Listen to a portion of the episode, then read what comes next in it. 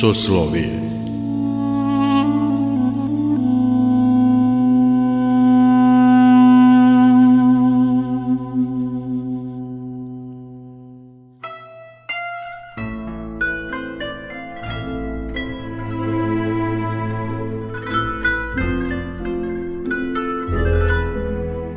Slušate Soslovije, religijski nedeljnik Radio Novog Sada. Dobrodošlicu vam želi Mirjana Ranković. Večerašnja tema je praštanje, a naš sagovornik je otac Igor Ignjatov. Oče Igore, zašto Bog naređuje da volimo svoje neprijatelje. Zbog čega je to važno? Čak i u akatistu za umrle stoji u ime Tvoga sve praštanja mi se usuđujemo moliti nebeskoga Oca za večni mir Tvojih i naših neprijatelja. Gospode, oprosti onima koji su prolivali nevinu krv, koji su zasipali mukama životni put naš i koji su stvarali svoje blagostanje na suzama svojih bližnjih. Zašto je važno moliti upravo za neprijatelje svoje?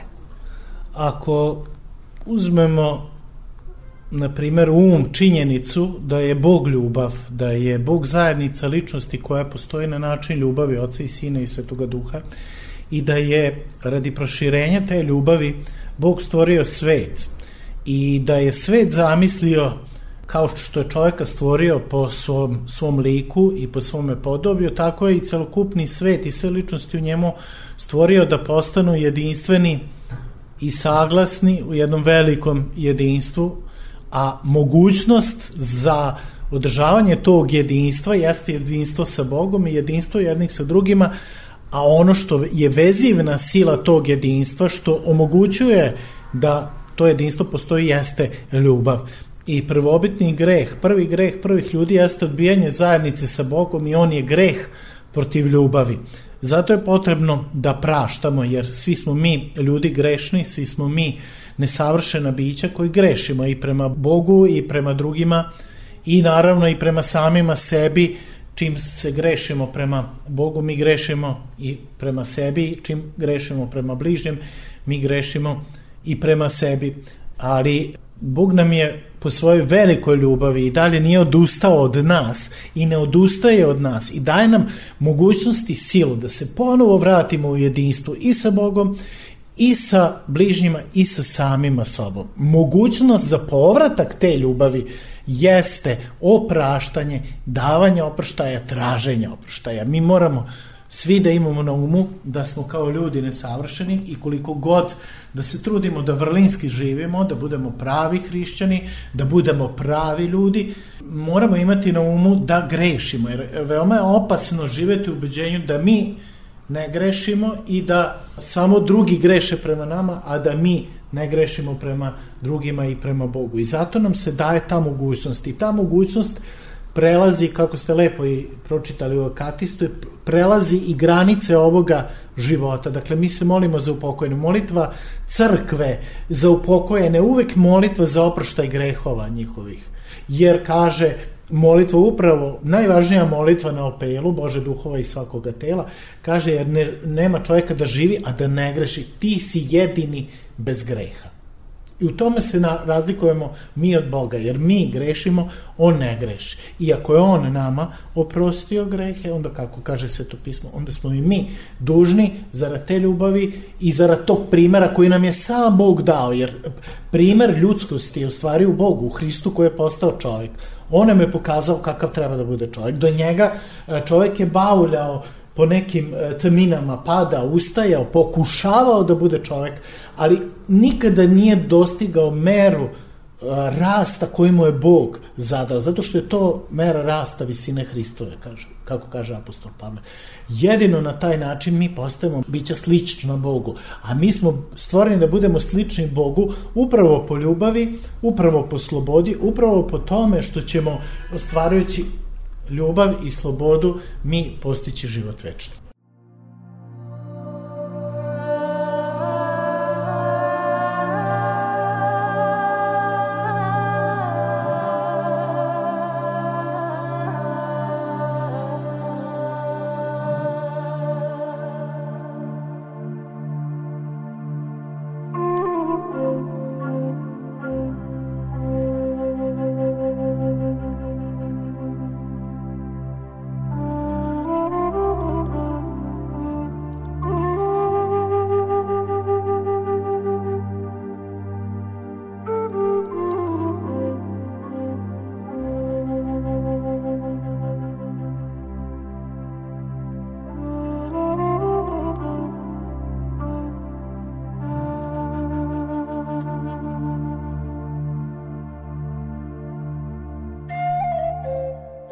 Da li je uopšte moguće živeti bez konflikta na ovom svetu? Pa upravo e, o tome što čovjek je grešno biće, nije moguće pa da ne pasti u konflikt, ne ući u konflikt i sa Bogom, i sa samim sobom, i sa bližnjima.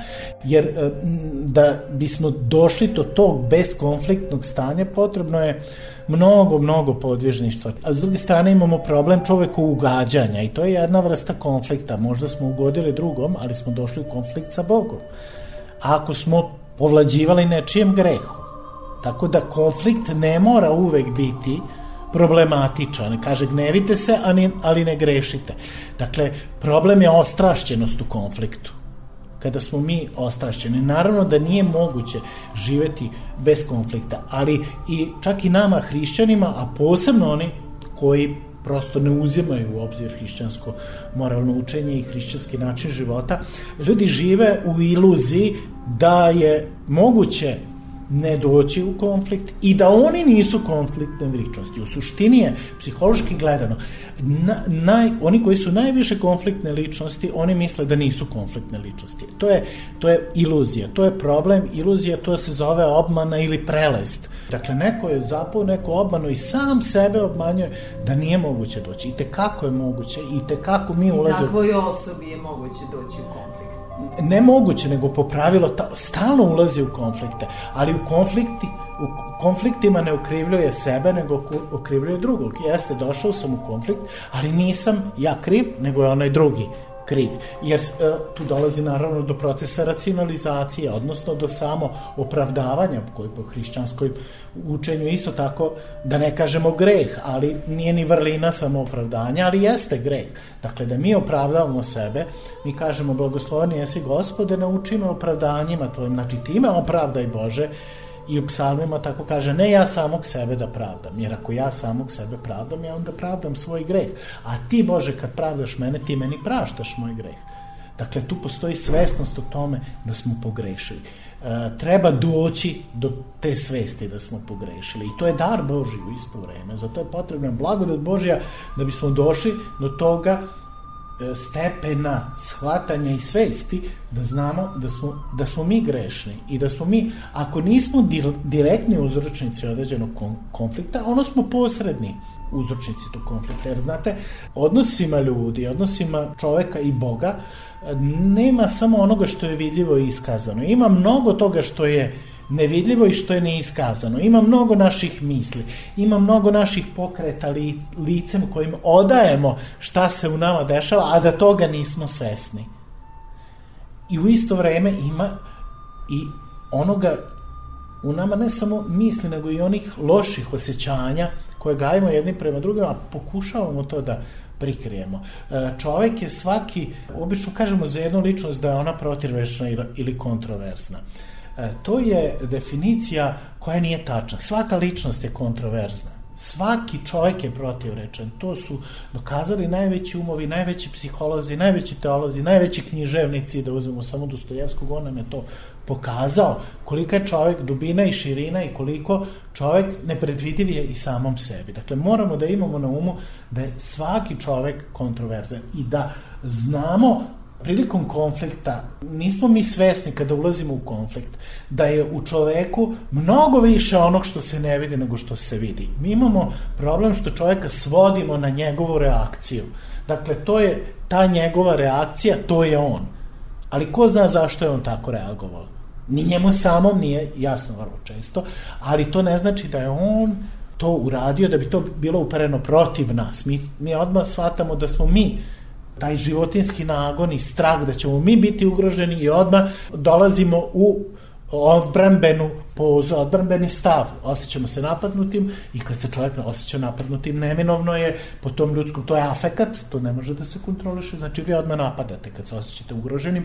Ne stigne do mozga još obaveštenje o čemu se radi, ali prosto to ne stigne još do sveste, mi već napadamo. I to je problem konflikta. Dakle, u konfliktu kad bismo u, uspeli malo da začutimo, malo da uđe, odemo nekoliko koraka nazad, uspeli bismo da predupredimo, ako ne ceo konflikt, onda bar njegove razorne posledice. Jedan savremeni starac je govorio upravo o tome da kada neko napada na tebe, on nema problem sa tobom, on u stvari ima problem sa sobom. Dakle, to je, to je problem da, da čovek koji napada i koji ulazi u konflikt samo ospoljašnjuje svoj unutrašnji konflikt. On ga samo eksternalizuje, samo ga izbacuje napolje, taj svoj unutrašnji konflikt. A to je udica koju koristi đavo da bismo se mi upecali. E, naravno, i u nama ima te naklonosti i onda se mi upecamo. Jer da nema u nama naklonosti, uspeli bismo da, ako smo izvežbani u tome, ne reagujemo na taj, na, na tu udicu. A s druge strane, opet malo pre smo pomenuli Dostojevskog, on je rekao da smo svi krivi za sve i svako je kriv pred svakim za sve. E, sad kad bi neko pogledao to sa strane, mislio bi da je to neka mazohistička samouništilačka krilatica koja nam pokazuje da eto sad mi treba da živimo u nekom, nekom inferiornom položaju i da uopšte ne osjećamo neki poriv ka životu. Međutim, u potpunosti je to suprotno. Kada pogledamo hrišćanski tu izreku Dostojevskog, koju na više mesta izražava, u stvari se vidi da to jeste tako. Upravo u svetlosti ovog što smo rekli da postoji direktna krivica i da postoji indirektna krivica. I ako je došlo do konflikta, ja uvek, bilo da je to brak, bilo da je to prijateljstvo, bilo da je to odnos zaposlenog šefa i počinjenog. Bilo da je to odlos na ulici dva vozača kad se sretnu, kada dođe do konflikta, tek tu ima do konflikta, jer to je, znate gde dolazi do konflikta? Tamo gde čovjek ima moć ili ima iluziju moći. A moć je uvek iluzija i čovjek kad sedne za volan, on ima iluziju o svojoj moći. I on onda tu, uh, onda svoje komplekse upućuje na druge i to je problem. Onda se treba, kažem, kada dođe do konflikta, treba se zamisliti, a koja je moja uloga? Da, da, dakle, kad dođemo na ispovest pa kažemo imam problem. Imam problem sa ovim, imam problem sa ovim, imam problem sa onim. A gde si ti u tom problemu? Pa svi su drugi krivi. Onda vidite da, da je to u potpunosti uh, jedna zamena teza, ali kako da, ne možete da osudite taj, tog čoveka. To je, on jednostavno to ne shvata. On jednostavno, ne, nema tu svest, ne, nije kriv, zato što ne svata. Ali zato se molimo za oproštaj volnih i nevolnih sagrešenja naših, znači ima oni koje smo učinili svesno, ima one koje smo učinili nesvesno, za te u neku ruku ne možemo ni da se pokajemo.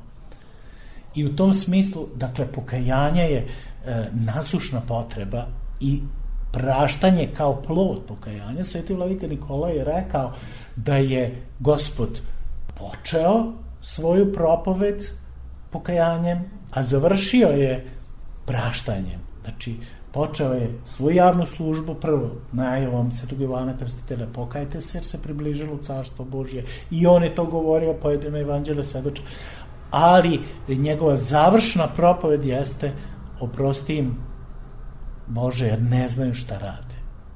Dakle sa krsta pa jeste nije on to uh, uputio sa neke tribine ili sa nekog razgovora, nego upravo kada, kada je bio u najvećim mukama i time nama dao primer kako treba da postupamo. I imamo primjera ljudi, evo već posle njega sveti arhiđakon Stefan isto umire, oni ga kamenuju i on kaže, gospode, ne uračunaj im ovo u greh. I za e, nekoga ko ne može da sagleda to iz hrišćanske perspektive, to je apsolutno bezumlje.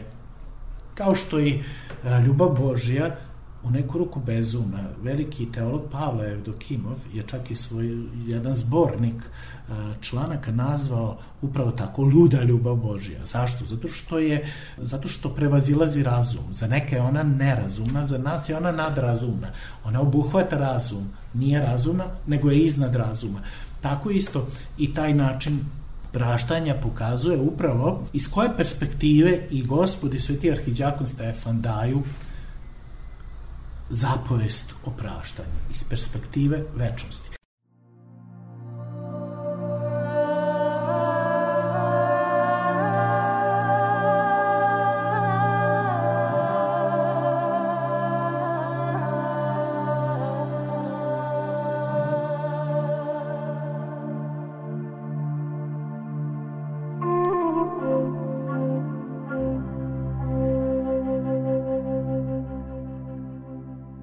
Slušate Soslovije, religijski nedeljnik Radio Novog Sada. Naša tema je praštanje, a naš sagovornik je otac Igor Ignjatov.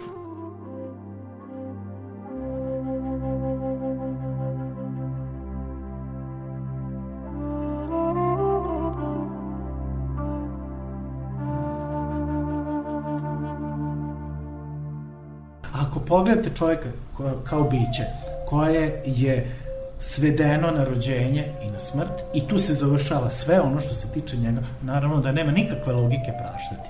Ali ako vi pogledate čoveka kao biće koja počinje ovde na zemlji i produžava se u večnosti da se nikada ne završi, onda znači da moramo da praštamo jedni drugima. Jer ako se mi sad posvađamo, mi ćemo trebati da budemo večno zajedno.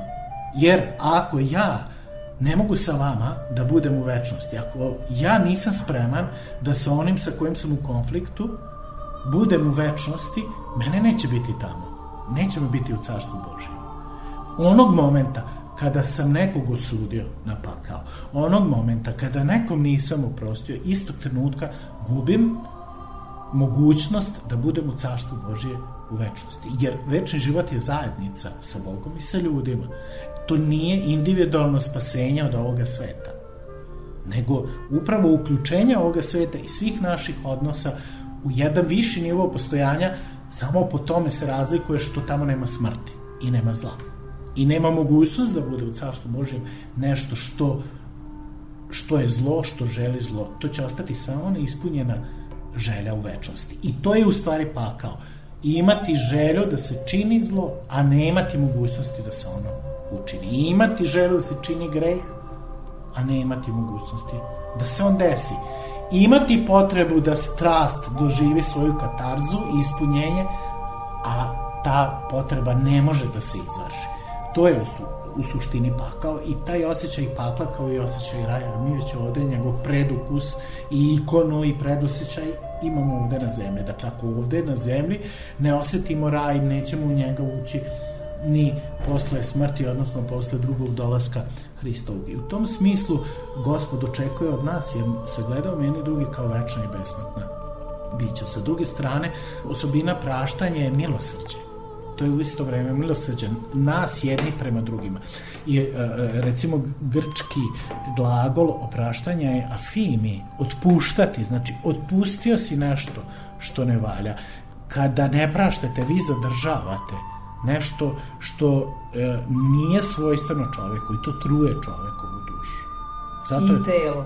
I telo. Na, pa, zato što je čovek psihofizičko biće. I e, kada ne praštamo, narušava se čovekova psihofizička harmonija, a to je bolest. I mi raznim konfliktima i sa samim sobom i sa bližnjima i sa, sa, sa Bogom, mi sami sebi pravimo probleme i sa zdravljem duševnim i telesnim. Naravno, to je uvek, postoji mogućnost da opraštanjem i sebi i, i drugima mi u stvari dođemo do ponovne harmonije i ponovne ravnoteže duše i tela, da taj konflikt izbacimo iz sebe. Konflikt sa drugim uvek je konflikt i u nama samima i što god je čovek dubli, što god ima veću savest, taj konflikt više prži njegovu dušu. I to kaže isto u evanđelju, opraštajte jedni drugima, miri se brzo sa svojim suparnikom dok si na putu, kaže evanđelje. Zašto? Zato što pojedini sveti oci čak tumače to kao da se izmirimo sa svojom savešću, a da bismo se izmirili sa savešću, moramo se izmirimo i sa drugim. Dakle, to je, to je isto, isto to. I apostol Pavle i u poslanici Kološanima i u poslanici Efesima skoro identično, kaže, opraštajte jedni drugima kao što je i Hristos oprostio vama. I oprostio nam je na, na krstu. Umro je zato da bi nam oprostio. I vaskrsao, naravno, i nas, i sebe prvo, a i nas sa njim. I u tom smislu, naravno, osnovna hrišćanska molitva, oče naš, koje je gospod naučio svoje učenike, da bi im dao im je tačno upustu. Između ostalog sadrži i taj segment. Dakle, oprosti nam dugove naše. Ali kako? Kao što i mi opraštamo dužnicima svojim. Dakle, tu smo mi sebi zapečatili sudbinu. Ako govorimo Ako govorimo, gospod je tu po svome čovjekoljublju i po svome premudrom promislu i brizi i staranju nama, dao nam upravo reč koja je svojstvena čovjeku. Oprosti, bit će ti oprošteno. Nema, ne, nema drugog puta. Samo, ali to je najlakši put, a u stvari nekako i najteži za nas. Dakle, kao što i mi opraštamo dužnicima, ako mi nismo oprostili, mi u stvari sami sebe osudu dajemo tim rečima, čak je, ima jedno predanje svetogorskog kome kada monasi ne oproste jedni drugima, imaju epitime od duhovnika da govore oče naš samo do tog dela. Da bi se zamislili na tim, znači nemaš pravo da kažeš to, oprosti nam dugova naše, kao što i mi opraštamo dužnicima svojim. I tu je, tu je u stvari sadržana uh, celokupna, celokupna istina o praštanju. Naravno, kome da praštamo? Imamo priču o milostivom Samarijanu kada je jedan čovek uputio, jevrejn uputio Hristu pitanje ko je moj bližnji? I on mu je objasnio da je bližnji, znaju slušalci, naravno priču o milostivom Samarijaninu, ako ne znaju neki pročitaju Evanđelju po Luki, da, da je mi sad ne bismo prepričavali, a ono što je bitno da je on njemu pokazao da je moj bližnji svaki čovek, da nije bližnji samo član porodice, da nije bližnji samo prijatelj, da nije bližnji samo sunarodnik, da nije bližnji čak ni istovernik, ni onaj kojem smo u istoj veri, nego je bližnji svaki čovek. I Hristos se zaista poistovetio sa svakim čovekom. I to imamo u priči o strašnom sudu, jer je i to priča o, o praštanju. Dakle, kada kaže nadbejah i odenosti u tamnici bejah i posetiste me, bolestan bejah i posetiste me, gladan bejah i nahraniste me, žedan bejah i napojiste me. Dakle, ali I oni ga pitaju, a kad smo mi tebe videli da si bio žedan, gladan, da si bio tamnici i bolestan? Pa kaže, kad ne učiniste onome, najmanjem ni meni ne učiniste. Dakle, svaki čovek je bližnji, svak, svakom čoveku je Hristos. I zato kada opraštamo, opraštamo svima. A kome mi treba da opraštamo? Najlakše je oprostiti prijatelju. Ima jedna, uh, jedno bogosluženje koje se zove večernje praštanje u oči u oči početka vaskršnjega posta i po tom pravilu, kada se završi to večernje, svi tražimo jedni drugi, drugih oprošta. I onda sam ja video, primetio i po sebi i po drugima, kada dođe neko ko nam je mio drag, pa mi se zagremo, pa mi se izljubimo i kažemo oprosti, ja opraštam te. Ali najlakše oprostiti ako si ti sa nekim, ali idi ti pa uradi pred svojim neprijateljem metaniju. Dakle, mi treba da volimo neprijatelje. E sad, ljubav prema neprijateljima kao i praštanje, to je blagodatni dar. To je dar Svetoga Duha po Svetom Silvanu Atonskom, po kome se mi prepoznajemo kao hrišćani. Ako ne voliš neprijatelja, ti nisi hrišćanin. Naravno, postoje faze, ne, ne možemo svi da dostignemo do tog uh, nivoa odmah, ali to je vežba. I u tom smislu mi treba da se molimo Bogu da nas nauči da volimo i neprijatelje. Jer jedino je to prava ljubav. O, ova ljubav kada, kada, mi, kada mi volimo naše prijatelje, kaže Hristos opet u evanđelje, kakva vam je hvala, ili grešnici to rade i vole jedni drugi uzajmuju jedni drugima da bi, da bi dobili i primili isto onoliko koliko su dali. Namerno Hristos govori o uzajmljivanju i pozajmljivanju upravo da bi pokazao da ljubav nije račun, nije ljubav davanje i primanje u isto tolikom objemu. Jer u tom računu se mi vrlo često prevarimo, zato što mi uvek mislimo da, da su svi dužni nama, a da mi nikom ništa nismo dužni. Ali je evanđelje u stvari i ljubav je davanje, neprestano davanje, ali davanje koje obogaćuje, davanje u kojem se ne gubi davanje koje umnožava blagodatne darove, umnožava ljubav je, kad i vi dajete ljubav, ona se umnožava, ona vas ispunjava. Kao i, i sreća, kad vi druge usrećujete, onda se srećni. A kada jurite za srećom, i za čim god jurite u životu, ona će pobeći od vas. Znači, treba e, e, ljubav davati i davati sebe drugima. To je uvek izlazak iz sebe. Tu je uvek rizik upravo iz razloga koji smo rekli da je svaka ličnost protivrečna i nepredvidiva.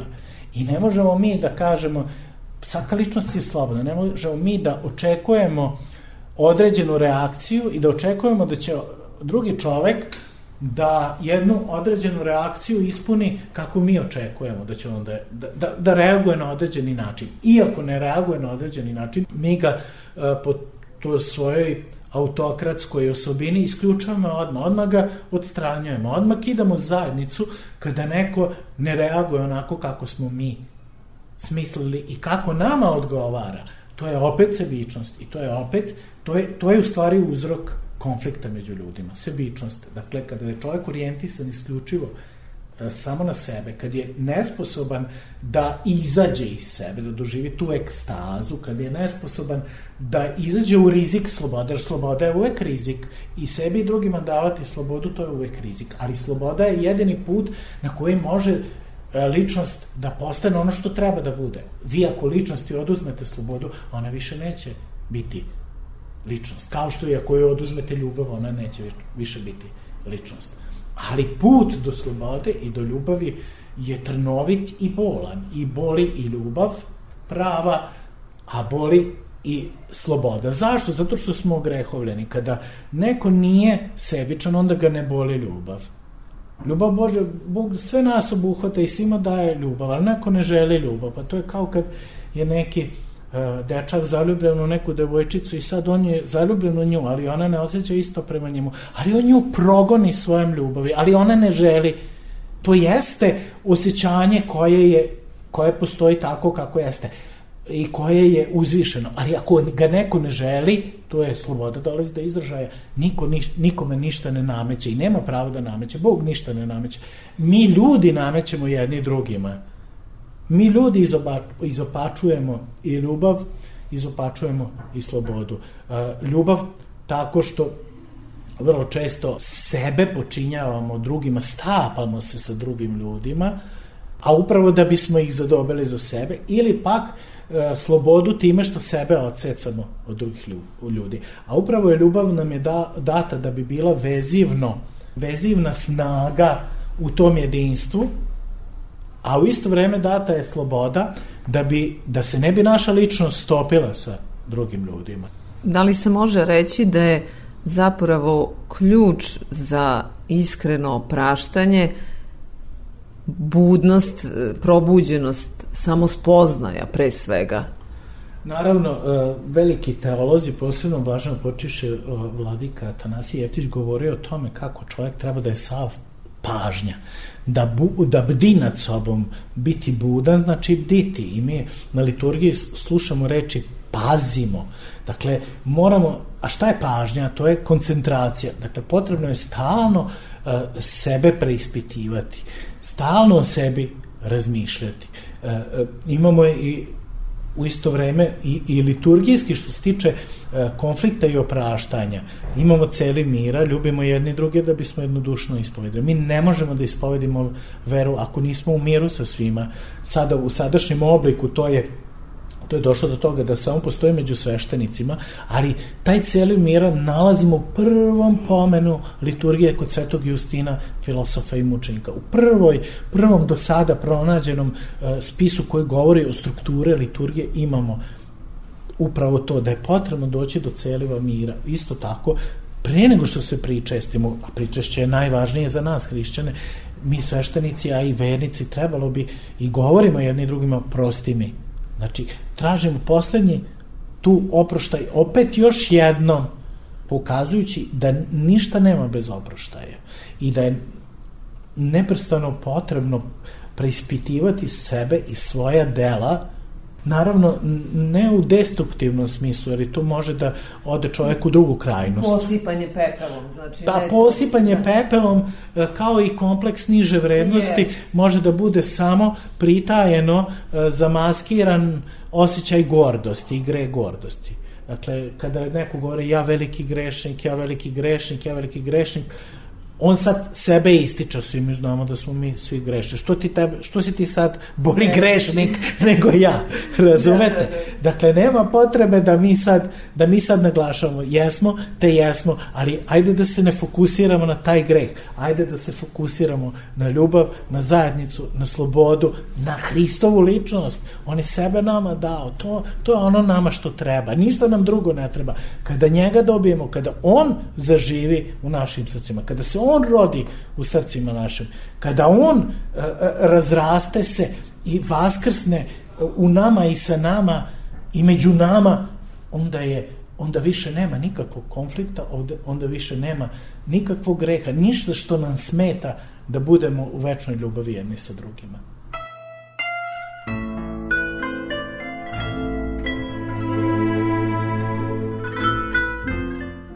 Slušali ste Soslovije Naša tema bila je praštanje, a naš sagovornik bio je otac Igor Ignjatov.